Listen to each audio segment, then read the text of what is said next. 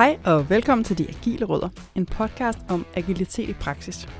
Her taler vi med en række danskere om, hvordan det agile manifest passer ind i lige netop deres daglige arbejde. Mit navn er Line Ved. Og jeg hedder Rasmus Gøtgen. Vi har begge mange års erfaring med de agile arbejdsmetoder. Vi elsker at tale om det, der virker, hm, og også lidt om det, der driller. Og det er det, vi gør her for Åben Mikrofon. Vi har det også med at blive uh, temmelig nørdet, når vi snakker. Så hvis du er ny i den agile verden, så kan du få noget hjælp til alle fagordene i den ordbog, som vi har inde på diagilerødder.dk. Og så må vi så se at komme i gang med dagens afsnit. Lad os.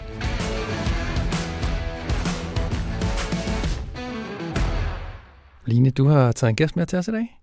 Det har jeg. Hvem skal vi snakke med? Vi skal tale med Britt Tolander, Okay. der øh, praler af at være en projektleder med hang til komplekse digitaliseringsprojekter. Oh, hvem har dog hang til det? Vi har været har hang til det.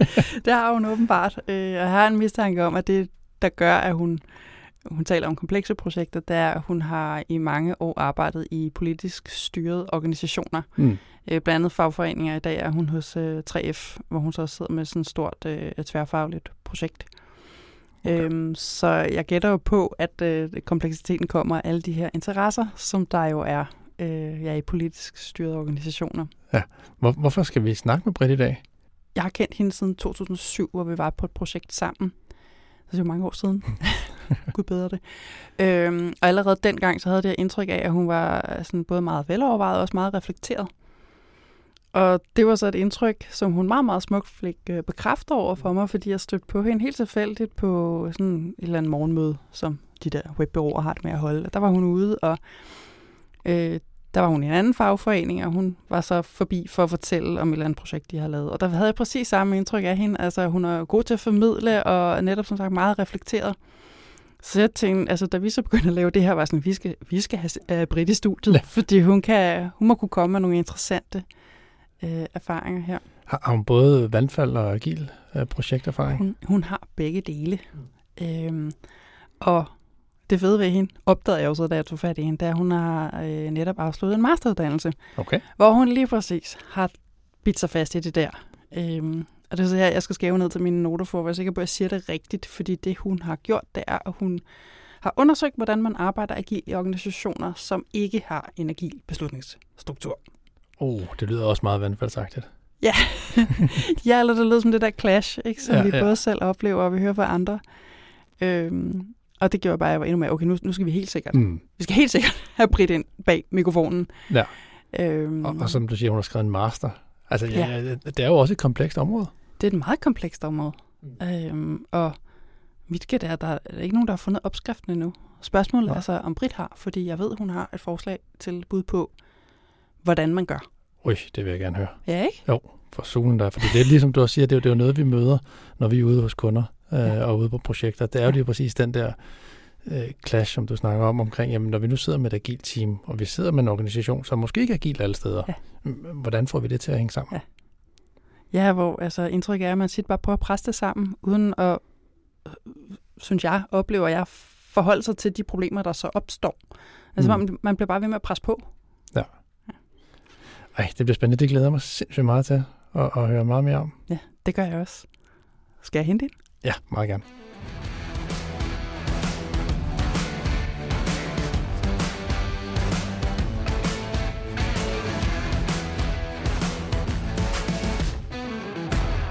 Velkommen til dig, Britt. Tak. Hvis du vil starte med at fortælle lidt om dig selv. Hvad er din baggrund? Mm.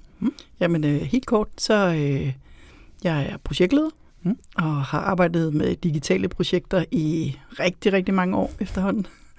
Øh, primært med ret store projekter og i projekter, der er i politisk ledede organisationer. Mm. Jeg har lidt sådan en hang til de der fuldstændig kropumulige komplekse projekter, hvor en hel masse mennesker skal blive enige om, om noget i organisationer, hvor at øh, der ikke nødvendigvis er sådan en øh, en, der bestemmer, men mange, Ja. der bestemmer. Hvorfor, hvorfor er det sjovt, har jeg lyst til at spørge? Det spørger jeg også mig selv om nogle gange. Og der er nogle gange, hvor jeg tænker, ej, næste gang, så skal jeg bare have sådan et, der kører. Men det er fordi, jeg i virkeligheden synes, at noget af det, der er sjovt i projektledelse, Mm. i det, jeg laver, er ikke sådan den tekniske projektledelse, men mere det organisatoriske. Mm. Og det forandrings, øh, forandringsperspektivet Ja. i det. det at få folk til at arbejde sammen, det at få en organisation til at, at rykke sig og arbejde sammen på kryds og tværs. Ja. Det, er, det er det, der er energien for ja. mig. Jamen, men mm. det er jo dejligt, for man skal også arbejde med det, man synes er sjovt. Og jeg gætter jo mm. også på nogle gange, det der, man så synes er sjovt, det er jo også fordi, det er udfordrende. Altså, du, ja. Det er det, ja. ja, helt sikkert. Også selvom man nogle gange får flere grå hår i hovedet, man selv mm. bryder sig om. ja. Hvor agil er din hverdag? Altså, jeg arbejder i en, øh, en meget øh, ikke-agil organisation. Egentlig, jeg arbejder i 3F. Mm. mm. Øh, det er en kæmpe organisation, som hele den måde, vores politiske struktur er på. Bare sådan for at sige, det projekt, jeg sidder med nu, der er, det har skulle godkendes af en hovedbestyrelse på 88 medlemmer. Øh, det er delt i, i seks afdelinger, eller seks grupper, eller seks siloer, om man vil, og det at få dem til at være enige, det, det, det er en kæmpe ting at gøre det. Øh, så på den måde er, er vi ikke nogen af den, er, er jeg ikke en organisation, der bare har sagt, nu kører vi bare ind mm. helt agil. Fordi det ligger også i beslutningsstrukturerne, ikke at kunne være det. Mm. Altså, når, når det projekter er af den kaliber, øh, som det, jeg sidder med nu, ja. så er det noget, der skal besluttes af, altså det er hovedbestyrelsen, der skal give pengene. For de kan give pengene, så vil de gerne vide, hvad det er, de får. Ja. Det kræver typisk sådan noget hen af noget vandfalds øh, et eller andet, eller i hvert fald noget rimelig præcis beskrivelse. Men vi arbejder på at gøre det mere agilt, og så sige, at jeg har projekter inde i IT-afdelingen, mm. som ligger inden for IT-afdelingens eget øh, budget. Og der har jeg kørt et par projekter nu her, som er, hvor vi har kørt med Scrum. Ja. Så, øh, men det er, på, det er på forsøgsstadiet, og det er meget fedt at se det sådan, det, det breder sig ja. i IT-afdelingen, den del, og så på den store del, der arbejder det med, eller der arbejder vi hen imod at blive øh, mere agile på udvalgte projekter. Ja. Men det er noget, der kommer til at mm. være, tage tid. Ja. Er, det, er det en strategisk beslutning for ledelsen, at det er okay at køre nogle øh, agile projekter, og nogle projekter som lidt mere traditionelle? selv der, når du siger for ledelsen, jamen det, det, det er super komplekst, fordi ledelsen er dybest set de her 88 personer, og det, mm. det er ikke alle 88, der siger, at... Altså, vi har ikke en, en klassisk øh, ledelse på den måde, hvor en kan sige, nu går vi ind og laver det fuldstændig agilt. Vi har en IT-chef, der kan sige, inden for det, der er hans, altså de projekter, han har under sin kasket, der vil vi godt køre agilt det er stadigvæk ikke en, nej, jeg vil ikke kalde det en strategisk beslutning. Jeg vil mere sige, det er noget, som vi nogen, der arbejder på nedefra, og det, det vinder mere og mere ind. Altså det er, mm. særligt i IT-afdelingen, kan jeg sige, jeg har været i tre, cirka to år, og, og kørte det første sådan uh, Scrum-projekt. Mm. Og nu der er det bare sådan, rigtig mange begynder at køre Scrum i mere eller mindre ren, rendyrket form. Mm. Jeg har kørt et projekt, hvor vi har kørt det fuldstændig, eller ret rent, jeg ved ikke, hvor rendyrket det nogensinde kan blive. Relativt ren, rendyrket, nej. Så har vi nogen, hvor, hvor men, men, men der, interessen kommer, og det gør også, at min chef, IT-chefen, bliver mere sådan, ej okay, måske kan det noget. Mm. mm. Men altså, han laver stadig en fallback, så siger, bare jeg ved, hvornår I er færdige. så må I godt være agil. Ja, ja for en af de ting, undskyld Line, men jeg ved ikke om, om, i hvert fald om du har lagt mærke til det ude i, i den agile verden, men en af de ting, jeg møder ret tit, det er den der med, at vi skal huske at sælge det agile til ledelsen, før vi går i gang ned i teamsene, for det er vigtigt, at vi har ledelsen bag os, når vi tager de her beslutninger omkring, hvad er det for et rammeværk, vi skal bruge. Mm. Men det lyder lidt som om, I måske har vendt den om og sagt, vi vil hellere vise, at vi har nogle resultater, vise, at vi kan noget af det agilt. Ja. Kære ledelse, lad os sprede det ud. Og det er sådan øh, noget af det, vi gør. Altså, vi har simpelthen gjort det på... Vi har lavet sådan et, et, et, et bare nogen, altså der, det er en udvikler og en tester, som hun er så blevet Scrum Master nu også, og mig som projektleder og en, en arkitekt, hvor vi sådan ligesom har lavet en, en gruppe, der siger, vi laver sparring. Mm. Du ved, så, så kører på kryds og tværs, men så er der flere, der kommer og siger, ah, det der, det, det, det er ret smart. Altså hvor også vi har arbejdet med Asia DevOps, Mm. Så har vi taget nogle dele i brug først, så sådan hele øh, opgavestyringsdelen mm. var noget af det første. Men nu kommer ham, der udvikler, og siger, ej, vi skal ja. simpelthen der i brug også. Ikke? Men man kan sådan mærke, det går også lidt som en steppebrand, hvor der er sådan flere og flere, der siger, ej, den der vil jeg også have. Mm. Og det, det, det møder ikke modstand. Altså vores, øh, vores chef øh, strider ikke imod på det, men han er stadigvæk lidt sådan, øh, hmm, hvorfor skal ja. vi nu det? Ja. Eller? Hvad, nu, hvad er nu det for noget? Ja. Ja. Hvad så med det første projekt? Du siger, du sad med jeres første agile projekt. Hvordan tog ja. folk så imod det? altså, udover vi var den her lille gruppe af nogle meget sådan, øh, dedikerede, der ja. besluttede os for, at det her, det ville vi gerne. Altså, jeg havde på mit øh, tidligere arbejde arbejdet med Scrum, øh, og haft gode erfaringer med det. Øh, så jeg var sådan, yes, det gør vi. Og så var der et par stykker, som øh, blandt andet øh, hende, der er tester, som samtidig gerne ville oplæres i Scrum Master-rollen. Så vi var sådan, yes, det gør vi. Så vi var meget yes. og en stor ja-hat. vi var en stor ja-hat. Og så vil jeg sige, teamet, det var, et, det var, altså, det var arme over kors og siger, okay. hvorfor skal vi det her? Og der var, altså, der var på grænsen til oprørsstemning. Okay. Ja. Hvad var det? Var, Hvad frygtede Altså noget af det, det var, det var for struktureret. Der var for mange møder. Der var for meget, øh, der var modstand mod at estimere. Det var også noget, hvor jeg kom fra en verden, hvor jeg siger sådan, hvad plejer jeg at gøre? Selvfølgelig skal vi estimere. men, men det at estimere så, øh, så præcist, altså det her med at sidde og lave planning poker og, og altså refinements, alt det her indimellem. Men jeg tror, der var, at de havde været mere vant til at køre det sådan, så var der to udviklere, der var vant, rigtig vant til at lave tingene sammen. Mm. mm. Men ikke involvere arkitekten eller testerne. Altså, nu kan det godt være, at jeg bare tolker, men jeg tænker, mm. om det der måske også handler lidt om at forsøge at beskytte sine egne enemærker. Ja. Øhm, mm. Altså, hvis man sidder, og, og det er jo fair nok, hvis man sidder og føler, at man, jeg er super kompetent på det her område, det er det, jeg ved alt om. Folk kommer mm. til mig, så føler jeg mig også, jeg føler mig, mig nyttig, og jeg føler mig klog. Og lige pludselig sådan lidt, Nå, men lad os alle sammen sætte os ned og dele det her. Nej, nej. jo, altså, vil ja. sige, vi havde faktisk også en anden, hvor, hvor det sådan afstedkom nogle snakke, ikke? fordi der var en, som øh, dybest set manglede noget opgradering på nogle teknologier. Ja. Og det gjorde, hun arbejdede noget ustruktureret. I virkeligheden kastede sig over noget, og så kunne hun ikke gøre det helt færdigt, så kastede hun sig over noget andet. Og det er rigtigt, det er det der med at, at måske skjule det lidt, ikke? Og ja. det bliver lige pludselig ret synligt, når man ja. på hver morgen på tavlemøde skal sige, øh, hvad du lavet siden i går? Hvorfor kan du ikke pege, det tog også mig noget tid at sige, ja. hvorfor kan du ikke pege på, hvad det er for en af dem, ja. du har arbejdet med, og hvad for en du vil arbejde med i dag.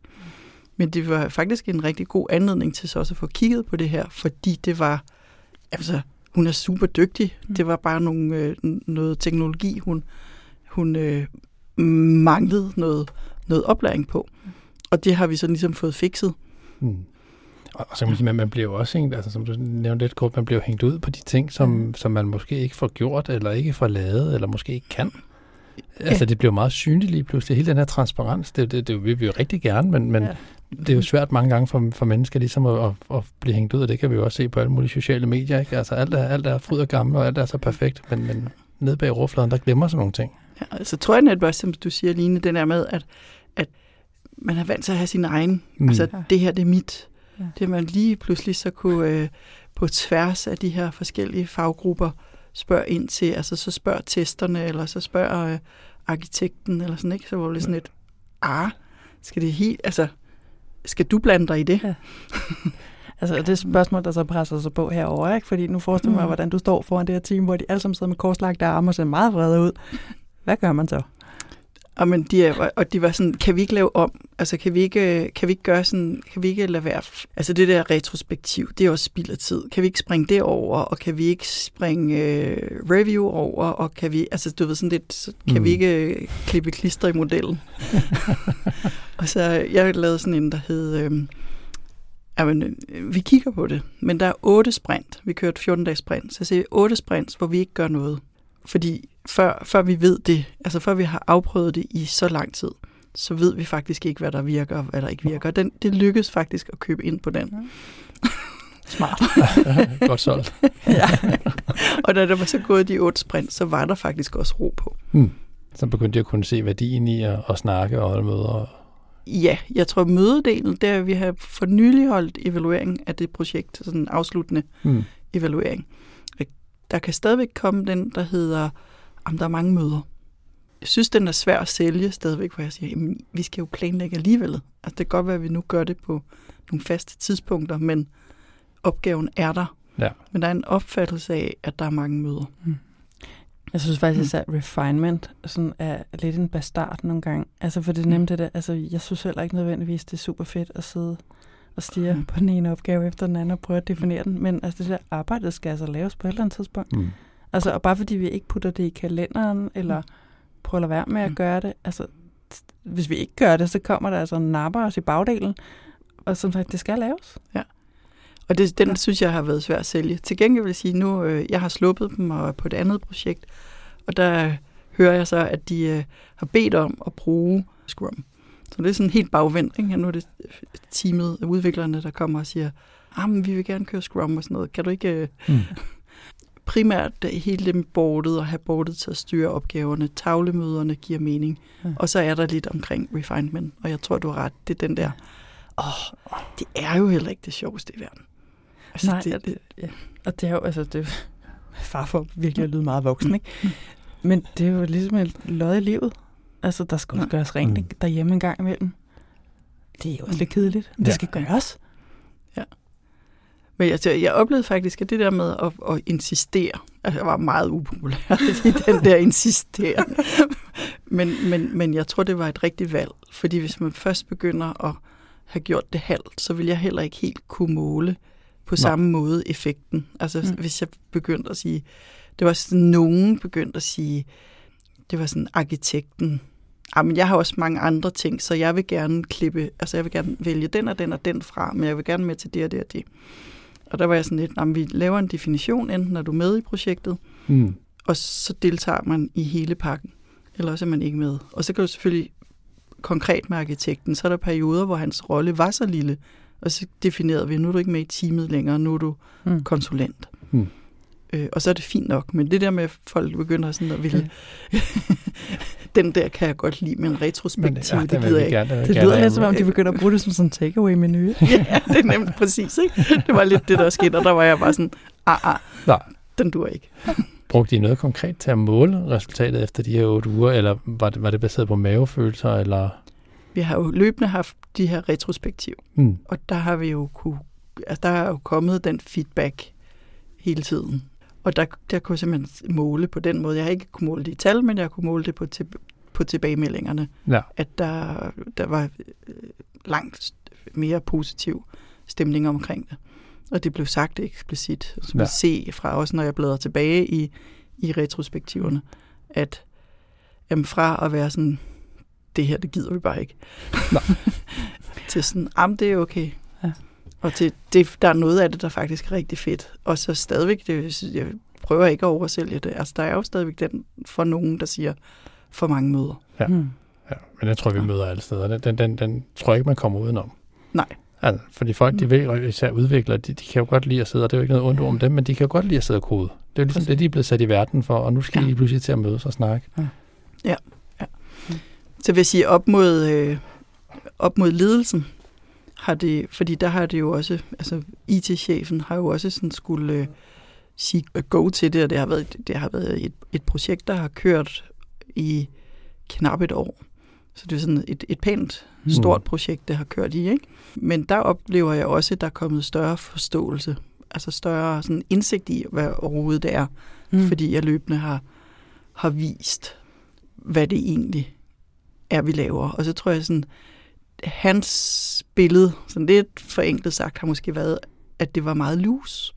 Mm. Altså agil, det lige med sådan, vi har ikke rigtig nogen plan. Vi gør, altså, det er sådan, vi finder bare ud af det. Og det er også noget, vi stadig kan joke med, ikke? Ja. Han siger ja. sådan, åh oh ja, det er Britt, det, er, hende, det, det er vores agile indslag. Det er hende, der aldrig vil lave tidsplaner.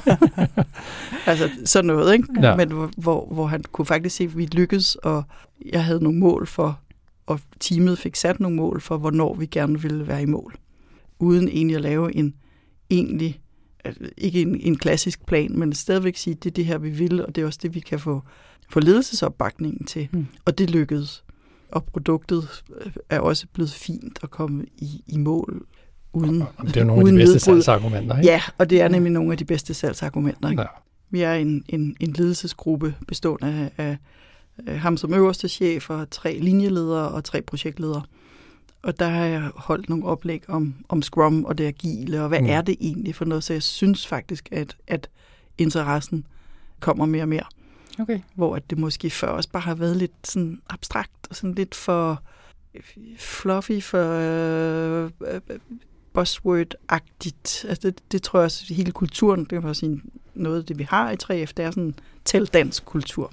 Mm. Så alt, hvad der sådan lugter af, af for meget sådan buzzword og smartness og sådan noget, det, det, det kan godt blive hævet ned. Og der har jeg gjort en del ud af at prøve at forklare det sådan med nogenlunde almindelige ord, og ikke så meget præcis, som det hedder det ene eller det andet, eller sådan. Ja. Men det er, som, som, som, som dine er, vi sad og snakker om, før, før du kom i studiet, det der med at sige, jamen, der er, også, der er jo rigtig mange gode ting fra, hvis vi kalder det vandfaldsverden. Der er jo mange gode værktøjer, som vi stadigvæk godt kan bruge i den agile verden. Og det, det er jo sådan nogle ting, vi skal, tror jeg, vi skal bruge mod netop ledelsen og management og sige, jamen, det er det vores plan, det er det vores risk handling og så videre, netop for at kunne sælge alle de her ting. Ja, og, og, og den der præcis, jeg kan jo godt se, vi har vi er styret af et IT-udvalg, der, der holder møde fire gange om året, og som ligesom låser nye ønsker ind til IT-afdelingen, Hmm. som er prioriteret. Og der er det jo, i den verden er det svært at, at lave, arbejde helt uden. Mm. Altså kun at sige, jamen vi tager det bare i den rækkefølge, som øh, der står øverst i backloggen, og så kører vi der ned af og, og kan ikke sige noget som helst om, hvornår vi bliver færdige. Altså, det, jeg forstår jo godt den kontekst, han også sidder i, Ja. eller som vi alle sammen i virkeligheden er en del af, Ja. Af den virkelighed, der hedder, jamen vi skal også kunne nogenlunde sige, hvad, hvad kan vi, hvor mange pro- projekter kan vi committe os til, hvor meget, øh, hvornår cirka, tror Ja. ja. vi, vi, vi er der. Ja. Du har fortalt mig, at øh, du har skrevet master lige præcis om det der, hvordan man får den agile verden til at, at mødes med sådan mere vandfaldsprojekt. Ja. Vil du ikke fortælle lidt om det? Jo. Hvad gør man? Øh, hvad gør man? vi, vil gerne, vil gerne have facit. Ja. Ja. Jeg tager noter. Godt, Rasmus er klar til at skrive ned. Noter. Ja. Ja. Nej. Øh, jamen, jeg har skrevet øh, master om... Øh, faktisk har jeg taget udgangspunkt i det projekt, jeg sidder med nu. Og det er sådan et, øh, et kæmpestort projekt, som, hvor der er masser af uenighed. Øh, så de faser, hvor jeg synes, at Scrum for eksempel er svær at bruge. Altså, jeg opfatter egentlig, at Scrum er ret god, når man er der, hvor man ved, hvad man vil. Altså sådan overordnet projektmæssigt, og begynder at have ting, der kan ligges i backloggen og kunne udvikles på. Men det andet, jeg sad med, det var sådan, en, der kørte et, poli, øh, et pilotprojekt på noget, øh, og så var der sådan, nogen ville sindssygt gerne gøre det til et større projekt. Øh, vi har øh, seks afdelinger, eller seks grupper. Halvdelen af dem vil, de vil, de, altså, de ville bare det der. Jeg synes, det var det politisk Mm. vigtigste i verden. Øh, nogen, de ville det ikke overhovedet. Så det er, hvordan får man stablet sådan et projekt øh, øh, sammen, øh, hvor man faktisk ikke rigtig ved, hvad det indeholder, og man ved ikke rigtig, hvad det, om, om det overhovedet kan blive til noget, fordi det, hele pointen ligger egentlig i at få lavet et oplæg, som hovedbestyrelsen mm. kan godkende. Mm. Og sige, noget af det, som, øh, som jeg har arbejdet med, det, det er sådan, sige, hvordan griber det man så an? Fordi jeg synes ikke, at Scrum til det overhovedet var svaret. Nå. Det synes jeg til, til det andet projekt, som egentlig var sådan rimelig... Vi vidste godt, hvad det var, der skulle udvikles, og så inden for det kunne vi begynde at tage det. Og sige, det, som jeg arbejdede med, det var meget sådan at gå ind først og analysere kompleksiteten. Hvad er det, der gør det her så skide komplekst?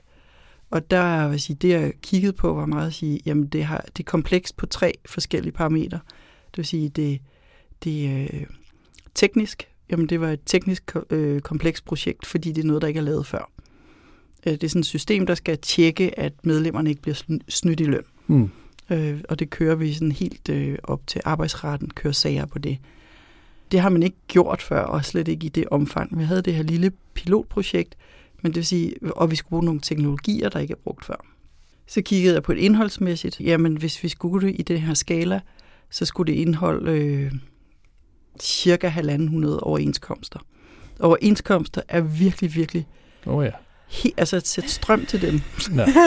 cirka tæt på et helvede. svede herovre. Ja, altså det er jo sådan helt nede på, at øh, du som færdiguddannet kokkeelev har ret til et sæt knive, og skal systemet så også tjekke, om du har blevet snydt for dem, eller om du som kirkegårdsgraver er, har et eller andet tillæg. Mm.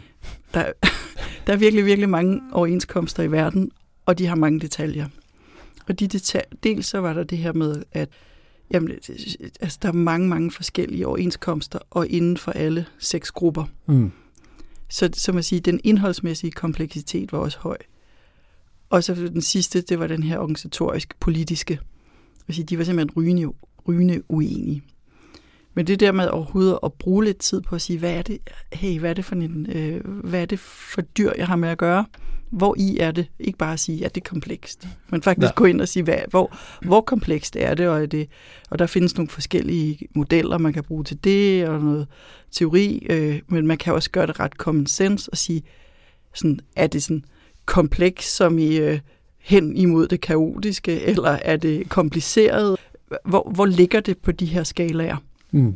Og det har været super nyttigt, også som diskussionsoplæg, altså til, hvor, hvor, hvordan vil vi gribe elefanten an? Vil vi overhovedet gå ind i det? Altså er der basis for at gøre det? Mm. Så det er ligesom det, vi sagt, inde i hele kernen, der har vi den her forstå kompleksiteten. Mm. Og så ligesom, når vi sagt det, okay, så er det noget med at få sat en ramme omkring det, og det er helt ned på, hvem, hvem skal med? Altså, hvem, hvem skal være med til at at føre den her proces ind, og på det tidspunkt er der sådan set ikke øh, udviklere udvikler med endnu, men vi har haft en øh, arkitekt, vi har haft et, et, et øh, konsulentfirma indenover det her også. Skulle de være med i den fase, eller skulle de ikke med i den fase? Hvor mange af vores grupper osv.? Men ligesom at få sat en ramme på det. Så er vi noget omkring at lave nogle øh, navigationsprincipper eller nogle designprincipper. Sige, hvordan er det, vi vil skrue det her projekt sammen? Men også at få dem formuleret. Og så sige, det der så var kernen, eller en af de store kerner, som, hvor, som er meget det agile, det her at sige, øh, vi i gang sætter en masse forsøg. Og, og formulere dem som forsøg. Og det har vi så gjort på tre niveauer. Så vil sige, på et niveau, så har vi lavet nogle forsøg, der var rettet mod individ. Der var nogen, som var, havde virkelig modstand mod projektet.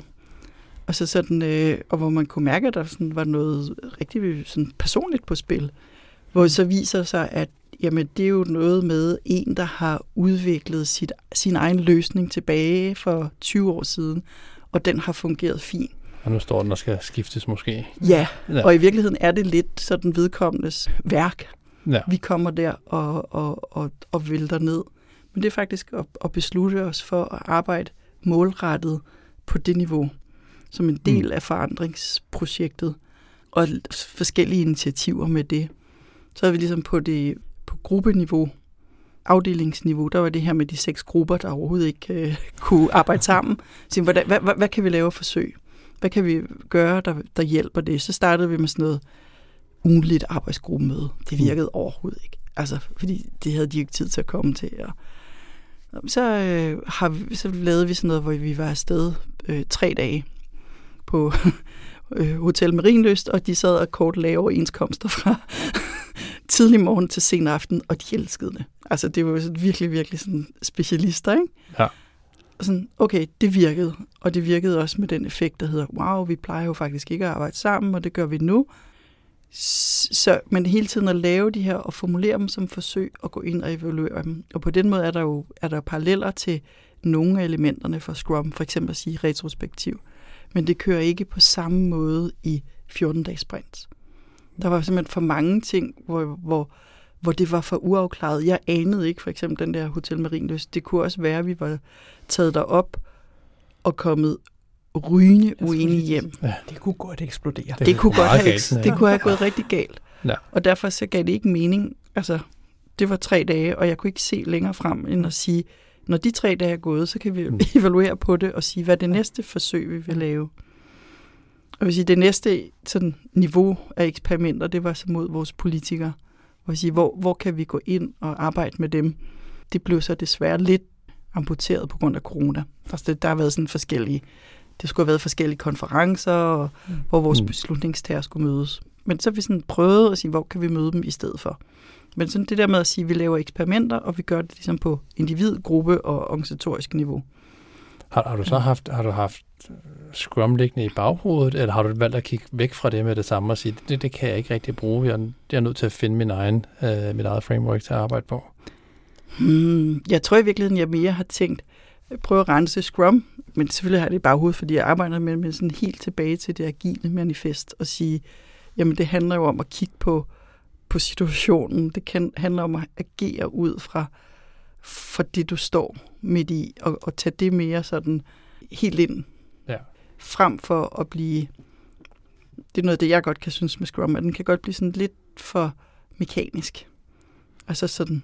Og det er jo mm. super fint på den måde, og også de tanker, der ligger, sådan hele det der japanske tankesæt med, at dung, dung, dung, ja. og hvis ja. vi gør det, og det er mål på tid, og altså, vi ved præcis, hvor langt det møde skal være, det, at der, så som, jo, på den måde har jeg haft det i baghovedet, men, men det har også lidt været sådan en, jeg kunne bare se, at det ikke virkede. Ja. Altså, jeg kunne ikke køre med samme stringent i, et, i, i, i den der tidlige fase. Nej, så, så der har været men det er meget sjovt, men, ja, undskyld, ja, mm-hmm. men det er ikke, for mig er det ikke sådan en modsætning, fordi nu er projektet blevet, altså det er blevet vedtaget, og så kører vi ind i teamet, der kører vi Scrum. Mm. Altså nu, hvor vi begynder at have ting, der kan blive lagt i backloggen. Mm. Og der, der fungerer det fint øh, at køre Scrum. Men det ud mod organisationen, der tror jeg egentlig, at jeg stadigvæk vil, vil, vil sige, at den anden model er mere meningsgivende. Så måske også det, jeg har let efter, var en model, der siger, hvordan kan jeg arbejde agilt med det, der ikke er, er knyttet til udviklingsdelen af projektet. Synes, det er mega interessant, mm. og sidder bare for associationer også til ting, jeg selv har siddet med. Jeg har siddet en tidligere arbejdsplads, hvor vi også indførte dual track development, som det hedder så smukt, hvor man kører delivery, det er det ene spor, og det er jo altså Scrum, mm. Kanban, hvad man nu ellers har fyret og det er netop udviklingen. Vi har vores backlog, vi kører igennem. Og der fungerer alle de her metoder storartet. Så er der discovery-spor, som netop handler om at afdække, hvad er der overhovedet, vi skal arbejde med, og mm. få det defineret, og netop få, få alle dele af forretningen med ind over og sådan noget. Og der har jeg også lidt sted at være sådan, øh, er der nogen, der har fundet på, på metoder til det her? Fordi, øh, øh, og der, altså, noget af det, jeg gør, hvis jeg skal starte noget op, hvor det netop er udefineret, hvor der er måske nogen, der bare sagt, vi har fået den her idé, de har en sætning, og det er det. Godt. Mm. Hvordan får vi den konkretiseret? Der griber jeg altså ned i min min projektleder øh, værktøjskasse og lave en lille målsætningsøvelse. Det må der være mange derude, som har arbejdet sammen med mig, som er en lille smule træt af, for den kommer hver gang. Men det der med at definere et formål, og hvad er så vores succeskriterier, og hvad er vores mm. leverancer, og så min underviser på projektlederuddannelsen sagde, at altså man skal ikke bare udfylde de der tre, man skal få dem til at hænge sammen som ærtehalm. Og det er der, jeg synes, det er skarpt. Fordi det er der, man så begynder netop at crunche det og finde ud af, hvad pokker er det, vi skal med det. Nå, men jeg synes bare, det er rigtig interessant, fordi der mangler netop værktøjer, redskaber, metoder til discovery-delen, eller hvad vi nu kalder det. Og det tror jeg også noget af det, som, øh, at, som jeg havde manglet, det var mål for, som ikke var, var projektmål. Altså en ting er at sige, at jeg har et mål om, at jeg skal have godkendt et projekt, eller jeg skal have lavet et system, der kan det ene eller det andet. Men jeg har de her læringsmål i virkeligheden. Hvordan får jeg organisationen til at... Altså, hvordan minimerer jeg modstanden, mm. for eksempel? Og det er noget af det, som også ligger i den, den metode eller den model, jeg har arbejdet med. At sige, arbejde mm. med hele tiden at sige, at vi har nogle faglige mål, eller indholdsmæssige mål, og så har vi nogle læringsmål. Læringsmålene kan også være noget omkring, hvordan vi udbreder det til, til den måde at arbejde på, til andre projekter, hvordan mm. sørger vi for at, at lære af hinanden, eller hele det her, hvor at de, de her seks grupper, der mødes, og så siger de, gud nej, for, for øh, resten, det her, det kunne vi også gøre på alle mulige andre områder. Altså at få det samarbejde. Så kan sige, så kan man gå ind og fange den og sige, her ligger også et mål, eller et potentielt mål, og sige, opdyrke, er der andre løndele, de kan, er der andre overenskomstsituationer, de kan arbejde sammen om, mm. og man, man dyrker det og det, jeg tænker, det, det, det, jeg tror, at det spørgsmål, jeg vil få som konsulent, som, som rigtig mange mellemledere vil stille mig, det er, Rasmus, skal vi ikke køre safe på det her? Skal vi ikke skalere det? Skal vi ikke virkelig tage alle de der ting ind? Er, er det noget, I har tænkt over at, at se, jamen, skal vi køre det som et skaleret projekt? Ja, altså vi har kigget lidt, og jeg har ikke øh, simpelthen ikke kigget nok til at, sådan, at kunne, kunne, kunne vurdere det sådan mm, kvalificeret nok, men umiddelbart så har jeg bare haft den sådan, jeg har siddet og kigget, og så har jeg været sådan, nej, det er ikke rigtigt det. Altså det fanger ikke, fordi så bliver det igen meget struktur. Mm. Altså det bliver sådan, og måske bliver det også lige, lige komplekst nok med modeller og sådan noget. Vi har kørt noget, tidligere kørt noget Prins 2, og er i, i de projekter, der ikke kører Scrum, der kører vi sådan Prins 2 lignende model. Så vi har også kigget på, på, på sådan, øh, Prins 2 har en eller anden agil overbygning, jeg kan ikke huske, hvad hedder.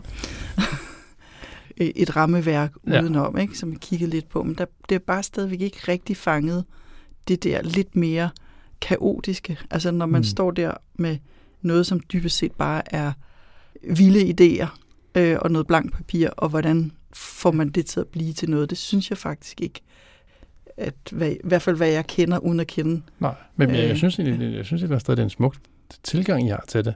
Mm. Netop fordi det er at sige, jamen lad os tage de ting, som vi kender, det som vi ved, vi, vi, der virker, altså samarbejde, collaboration, og vi vil gerne uh, snakke mm. sammen, vi vil gerne planlægge, vi vil gerne sørge for at dele alle de her ting. Lad os få, få dem presset ind, og så lad os egentlig opfinde vores eget framework, hvis man siger det på den måde, i stedet for at skulle tage safe eller less, eller hvad de nu alle sammen hedder, og sige, jamen så er det det her, vi følger til punkt og prikke. Ja. Så synes jeg, det er super smukt at, at tage de ting, ligesom som du også refererer til, til det agile manifest, og ligesom hive de ting ud, som, som giver værdi. Jeg siger, jeg har hvad hedder det, ikke sådan fuldstændig opfundet den dybe tallerken. Jeg har jo kigget meget på sådan noget action learning, og der er blandt andet også en model, der hedder Action Learning Consulting, mm. som, øh, men de kommer mere fra en anden verden. De kommer ikke fra IT-verden, de kommer mere over fra sådan forandringsledelse.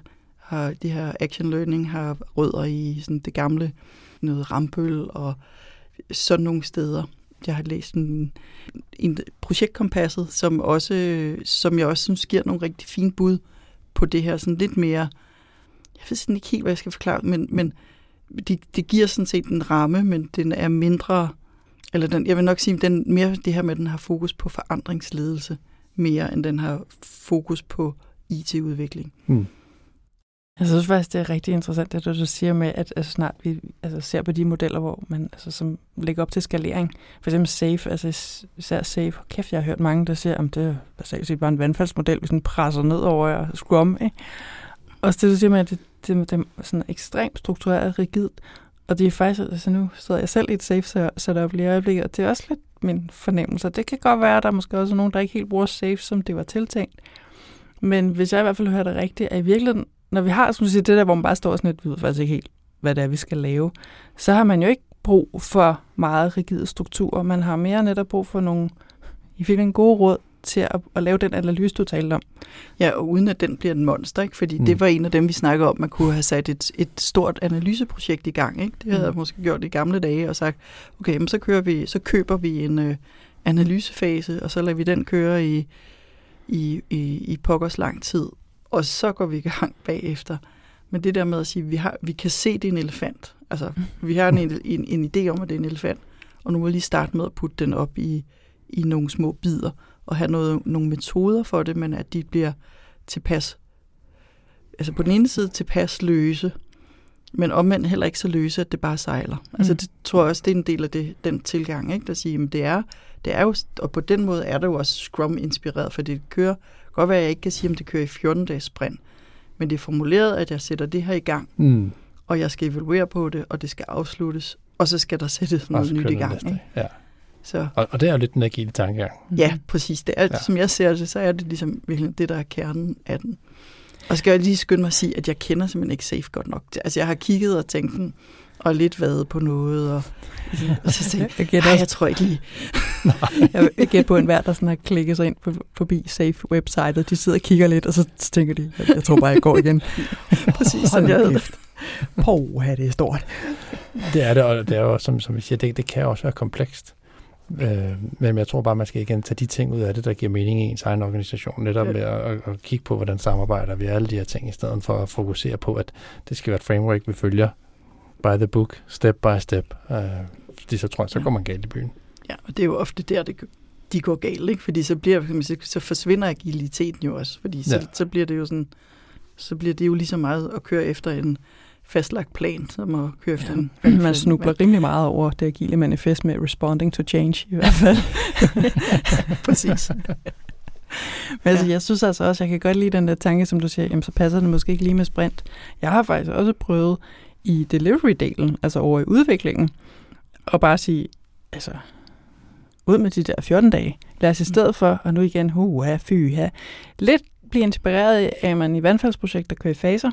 Altså, vi ved, at vi skal bygge det her. Vi ved, at der er nogle dele, der skal bygges på websitet. Nå, men så lad os tage delen en af gangen. Og det er da ikke altid, det passer med 14 dage. Det gør, at man sidder og klør sig i Nancy. Det der tager tre uger at lave. Så kører vi en fase på tre uger. Mm. Fordi det synes jeg altså også nogle gange bliver lidt pseudo.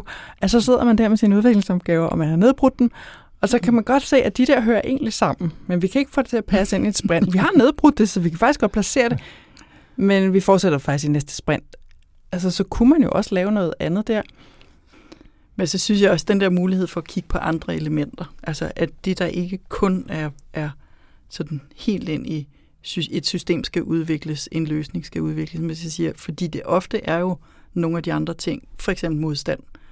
Den, altså som jeg sagde, at vi havde den her voldsom modstand, som i virkeligheden var det, der øh, besværligt gjorde projektet allermest. Og det, og, og det lykkedes faktisk at få den, få den vendt, og det at have arbejdet så målrettet med det, gør jo, at udviklingsprocessen bliver langt nemmere. Og jeg tænker, hvis vi skulle stadigvæk have den med på medhør, ja. eller hvad det hedder, nu her, hvor, hvor, hvor vi er gået mere i en ny fase øh, i selve udviklingsdelen, så havde vi bare ikke kunne køre i det tempo, vi kører i nu. Altså det at have den her periode, hvor der også bliver taget de her kampe, og nogle af mm. kampene jo er, er fuldstændig legitime, og, og når man begynder at grave ind i det, så er der også nogle historier om, hvor hvor kommer den der modstand fra, og sådan. Det synes jeg er helt vildt interessant, du siger, fordi det er også det er sådan en ting, som altså i hvert fald sådan, Squam lidt måske nærmest står i sådan en bisætning, når man så skal Squam Masteren også lige håndtere de der interesser udenom teamet. Bare lige. altså, jeg plejer at sige meget det, jeg bruger tiden som Scrum Master, det er at stæse rundt i kulissen og lave lobbyarbejde. Og det fylder nemlig rigtig meget, og super vigtigt, når vi ser i opstarten, og ligesom at få folk med. Og det er sådan meget min oplevelse mm. af Scrum, det er, at det fungerer godt ind mod teamet. Altså når de holdt op med at have korslagt arm. Men, men det synes jeg, det gør. Men jeg synes, det, det, det, det er ikke særlig godt beskrevet. Netop alt det, der handler om ude bagved og forretningen og modstridende interesser og alle mulige, der skal høres og, og gøres osv. Og, så videre. og det, det er i virkeligheden nok også det, jeg har prøvet at, at pejle mig ind på og sige, hvor, hvor, hvor kan vi komme med nogle bud, og jeg ser det bestemt ikke som noget, der udelukker hinanden, mere som at, at, på den måde er Scrum, selvom man siger, at det kan bruges til alt muligt, og ikke kun mm. udvikling, så, så læser jeg og oplever det stadigvæk meget sådan orienteret mod udviklingsprocessen. Og, det, og man kigger det ligesom ind i teamet. Ikke? Altså, jeg har jo også stadigvæk alt det der, der hedder, selvom jeg kører Scrum, og når jeg gør det, så har jeg jo... Øh, altså, skal jeg, skal jeg beskæftige mig med økonomi, for eksempel. Altså lige nu har vi konsulenter på, og jeg får ikke... Altså, det er en, en vigtig del af mit arbejde at holde øje med, mm. at pengene ikke fosser ud af kassen, og at, øh, at der er en rimelig sandsynlighed for, at vi bliver færdige inden for det budget, der nu er lagt. Altså, sådan er det. Mm. Det, det, det holder ikke helt op. Nej, det vil altid være der et eller andet sted. Man kan sige, Scrum, mm. de, de prøver at definere det ved at sige, at der er en product owner, der har et ansvar, og hedder det, Scrum Master, der har noget andet. Mm. Men, men hvad med alt det, som de ikke definerer? Ja. Og, og det er ligesom den, som... Håndtering som der, af styregrupper og altså alt sådan noget der, som, ting, som, som, jo ikke, som stadigvæk er der, og som, som jeg i hvert fald ikke oplever, at Scrum, det er, sådan, det er som om, det er ikke eksisterende. Ja. Det er bare sådan, Ja, for eksempel, du, ja, det du siger, det er bare sådan noget, jamen så kan du lige, øh, så fikser du lige dem der ude bagved. Alle de der 88 vrede mennesker, der står bag dig, dem klarer du lige, ikke? ja, og ofte er det jo det, der er, altså i, i min funktion, er det jo op, ofte det, der tager 90 procent af min tid. Så fordi altså, er det nogle andre funktioner, der blandt andet Scrum Master. Jeg har aldrig Scrum Master-rollen, mm. fordi Scrum Master er så mere ind mod teamet og... Mm men så det er jo lige præcis også derfor, at det kan, eller meget hurtigt bliver et problem, hvis man er meget rigid med sin agile metode. Fordi det er bare sådan, at den er jo, altså så vidt jeg ved, så er alle agile metoder udsprunget af noget praksiserfaring. Det er super godt, og derfor er jeg netop startet der og prøvet af. Men det har jo ikke svaret på alt. Og der er virkelig mange ting, det ikke tager højde for. Så hvis man sidder der og stiger på sin Scrum Guide og nægter at afvige fra den, så får man altså meget hurtigt problemer. Ja, også for lige at komme lidt tilbage til den der kompleksitet. Ikke? Jeg synes, nogle gange så er det sådan næsten naivt beskrevet i forhold til... Nu er du rar. Hvad, det er meget naivt. sådan, hvad, hvad teamet har af, af mandat, og hvor, hvor mange der kommer udefra, indenfra, oppefra, nedefra og, og, og blander sig. Og, hvad der kan komme ind fra siden. Altså, og, og nu kender jeg det fra den politisk styrede verden der, ikke? hvor altså lige pludselig så er der noget andet, der er vigtigt, og så kan man køre derud af, og så kommer det på hold, fordi der er en politisk dagsorden, der sætter det hele i stå, eller, eller noget, som startede ikke så vigtigt, så lige pludselig så er det bare vigtigt, fordi det skal være færdigt inden et eller andet øh, mm. politisk udspil, eller hvad ved jeg, ikke? Altså, så den der, og, og det, det synes jeg ikke, øh, at du ved, der er det meget sådan, Nå, men så sidder der et team, og de skal bare selv køre det. det er en meget utopisk verden. Ja. Altså, det, mm. det er det. Har, har du nogle gode råd til at, at håndtere alt det her pres ned mod teamet, netop som du siger, alle de politiske, alle de ændringer, der måtte komme, og der sidder de her stakkels øh, øh, udviklere og Scrum Master, som sidder og kæmper for at holde alt væk og prøve at få deres egen lille verden til at fungere, samtidig med, at de egentlig også gerne vil have lidt medbestemmelse. Nej, så jeg tror, jeg må jeg sige, på den måde er der jo er der noget fornuftigt Scrum i, at der er en rollefordeling. Mm. At jeg prøver i hvert fald at altså, tage en del af de her diskussioner, der er ud af teamet, og på den måde øh, beskytte teamet lidt ikke? mod det. Jeg vil sige, nogle gange så er det en, en balance, det der med, hvor meget skal teamet, fordi som du siger, de vil jo også rigtig gerne involveres. Mm. Men ofte vil jeg sige, er der en del af de der ting, som, som jeg kommer til at sidde og, og bruge tid på, er altså køre på noget, som er, er langt væk fra, fra teamet, eller sådan, det om lang tid, det får konsekvenser, hvis det gør. Nej, så det var ikke noget særligt konkret råd. Nej, men, men, men, men det er jo også sindssygt svært, og det, det er jo en af de ting, som jeg har, har haft uh, snakke med, med andre Scrum Master eller, eller RTI'er om, er safe setups. Det er lige præcis det her med at sige, hvor, hvor involveret skal teamet være? Uh, og hvor meget skal Scrum Masteren lave? Hvor meget skal han eller hun løbe rundt og lave i baggrunden? Og hvor meget skal teamet egentlig selv lave, mens Scrum Masteren lænder sig tilbage og kigger på processer og, og går så en kun uh, sidder uh, og, og leger med det? Øh, og det er jo en sindssygt svær, og der, jeg tror, der er lige så mange holdninger, som der er, er, er Scrum Master derude. Altså, hvad ja. det man sådan siger, er, eller som jeg i hvert fald har hørt som tommelfingerreglen, det er sådan, at i starten, når teamet er meget umoden, så skal man ligesom have fokus rettet ind mod teamet, og så på et eller andet tidspunkt, så er det mere selvkørende, og så skal man begynde at rette fokus ud mod organisationen. Og jeg synes, der er en vis grad af fornuft i det, men samtidig må jeg så også erkende, at hver gang jeg sådan har tænkt, så, nu har vi et selvkørende team. De har styr på det. De har styr på deres processer. De kører bare. Så vender Line ryggen til, og så går til et kvarter, og så er der et eller andet, der går galt. Ikke? Og, bare sådan, og det er jo ikke af ond vilje, det er bare fordi, jeg er så også en der procesdame, som synes, det er sjovt og spændende at have fokus på det. Det har de andre ikke. Også de er ansat til at lave noget andet. Og så mm. begynder det at glide. Mm. Og jeg, jeg ved ikke hvorfor, men jeg bliver simpelthen ved med at, at blive overrasket over, hvor meget tid og energi man faktisk også skal bruge på at vedligeholde i hvert fald nogle processer og lige smide noget olie ind i samarbejdet, så det hele glider. Og så kan man, og jeg tænker, jeg har så siddet med den slags i, i en mindre organisation med nogle af 40 medarbejdere, og så får jeg lidt nervøse trækninger, når jeg kigger på dig, Britt, og tænker, hold da op, så får man da travlt, hvis man både skal have styr på sit team, og så også klare sådan en dyr, som du beskriver der. Jo, men der kan man sige, at vi har jo også vi har tre roller. Vi har, vi har Scrum Master, og så har vi øh, Product Owner, som står for alt det faglige, og så jeg har egentlig beholdt min titel som projektleder, altså jeg præsenterer mig som projektleder. Og der kan jeg også nogle gange så tænke, mm, det, ved jeg, det er der jo ikke noget, der hedder i Scrum, men øh, jeg har masser at lave. så, øh, og det er i virkeligheden, at, at jeg tager meget af det, det politiske, af det, af det her organisatoriske, det forretningsmæssige. Product owner tager meget på, sådan, hvad er det for nogle overenskomster, der skal med, og øh, er det relevant det med kokkekniven eller ikke? Hvordan skal vi det? Og Scrum Master har hele procesdelen. Og det fungerer, altså, mm. jeg vil sige, der er rigeligt i, i et projekt af det her øh, størrelse til, til de tre roller. Og faktisk er der en projektleder mere på, som er fra øh, konsulentsiden. Det overrasker mig overhovedet ikke. Nej. Jeg er faktisk imponeret over, at ikke klarer det så få. Line, jeg kunne egentlig godt lige tænke at stille dig et spørgsmål. Ja, hvad? Nå, men det er lige præcis det. Ja, det er ikke sådan, sådan men. men det er bare mere det, det, du snakker omkring, for det synes jeg faktisk er, ret spændende, det der med, som du siger, jamen nu, nu synes jeg, at jeg har et selvkørende team, nu vender jeg ryggen til, og så crasher det.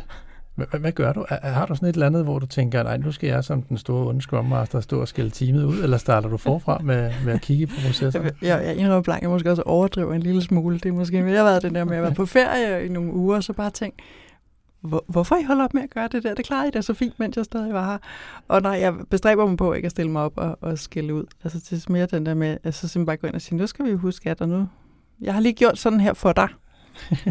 altså fortæller, når jeg rydder op efter andre, som, som en slags reminder. pædagog. Jeg prøver at tænke meget i at prøve at være pædagogisk, øhm, og så også nogle gange så bede folk om at gøre det, frem for at gøre det for dem, ikke? så man ikke bliver scrum mom.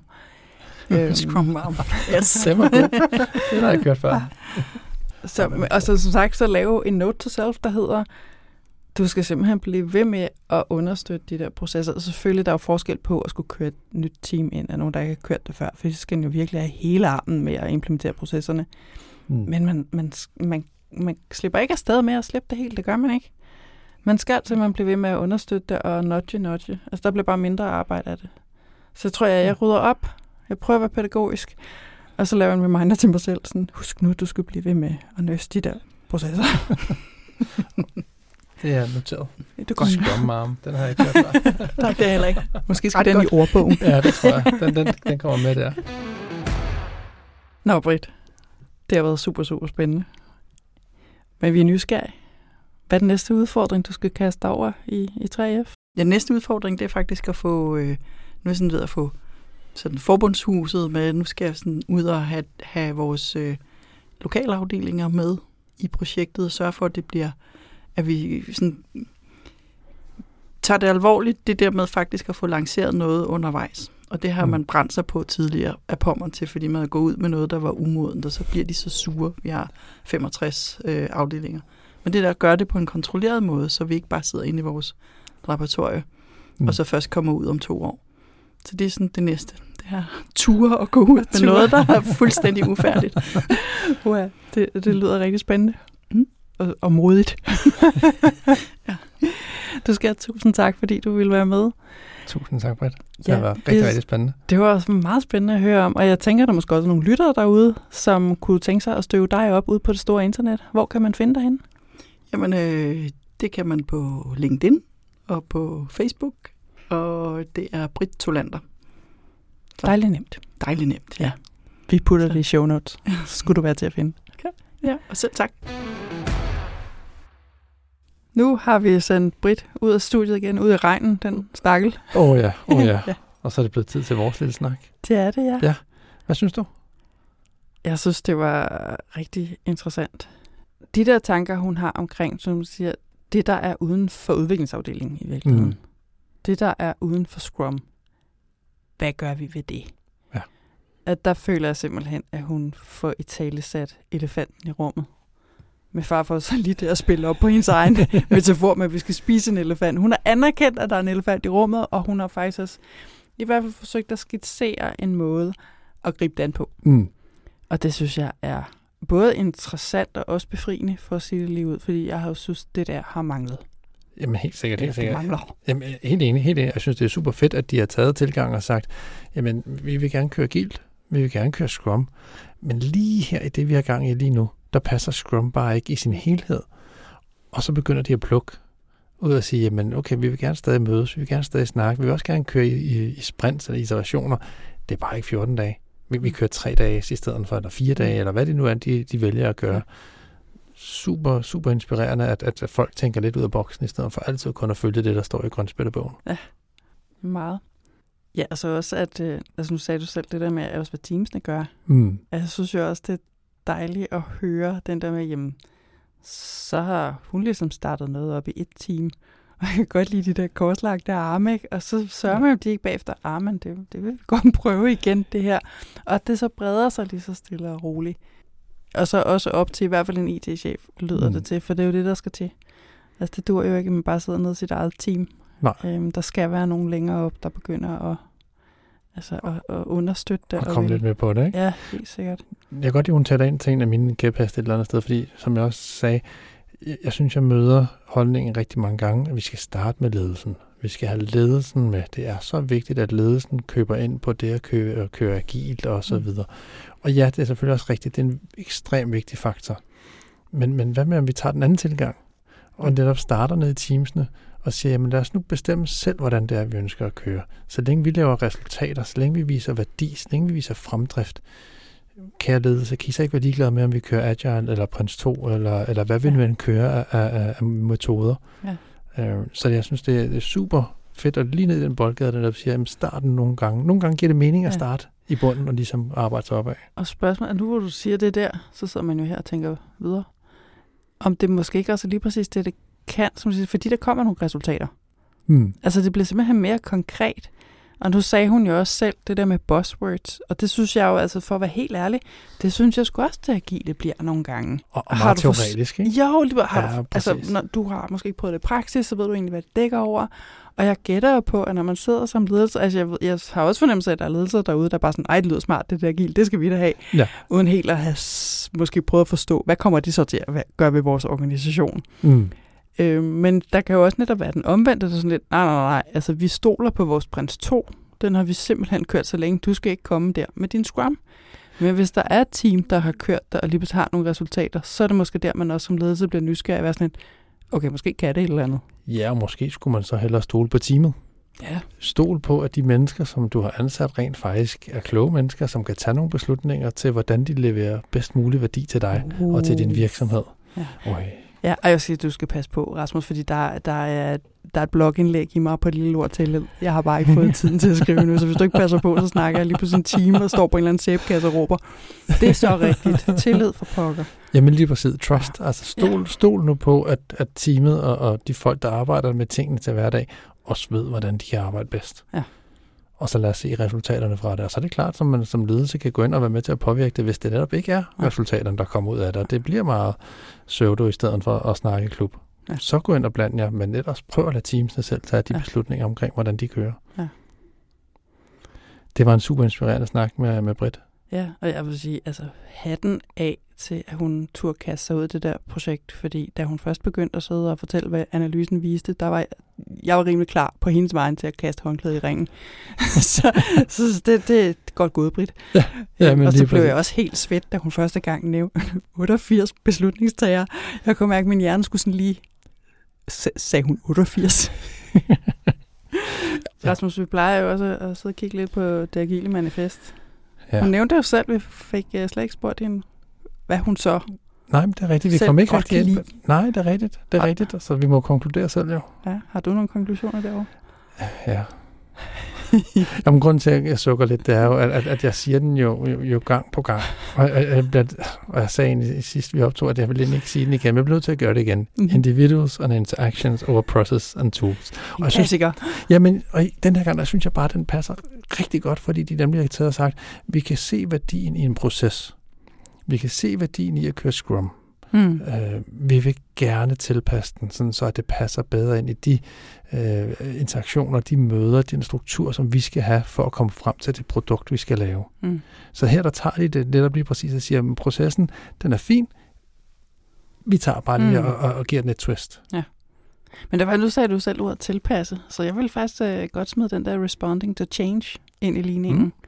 For det synes jeg jo faktisk også, at hun har gjort ret fint. Altså selvfølgelig er det måske også noget med organisationen, og hvad er det for en type organisation. Men altså hun har prøvet at gå ind først og møffe noget agilt igennem på teamniveau, og så bliver også organisationen, eller i hvert fald andre dele af organisationen, begynder at blive lidt lun på det. Mm. Om, så møffer vi lige lidt videre, ikke? så der er også et eller andet med at, at måske se, hvad der er muligheder, og så gribe dem.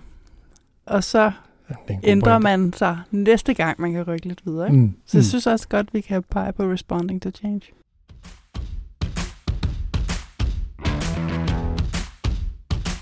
Det var så alt for denne gang. Hvis du har spørgsmål, kommentarer eller konstruktive forslag, for eksempel til fremtidige gæster, så er du velkommen til at skrive til os på hej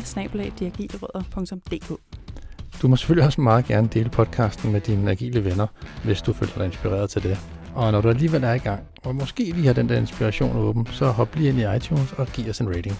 Det vil vi være super glade for. Du kan finde både os, ordbogen og podcasten på diagilerødder.dk. Og vi linker selvfølgelig til alt relevant, også til dagens gæst i vores show notes. Jeg hedder Line Hvid. Og jeg hedder Rasmus Gøtgen. Anders Høgh Nielsen var i teknikken. Vi høres ved.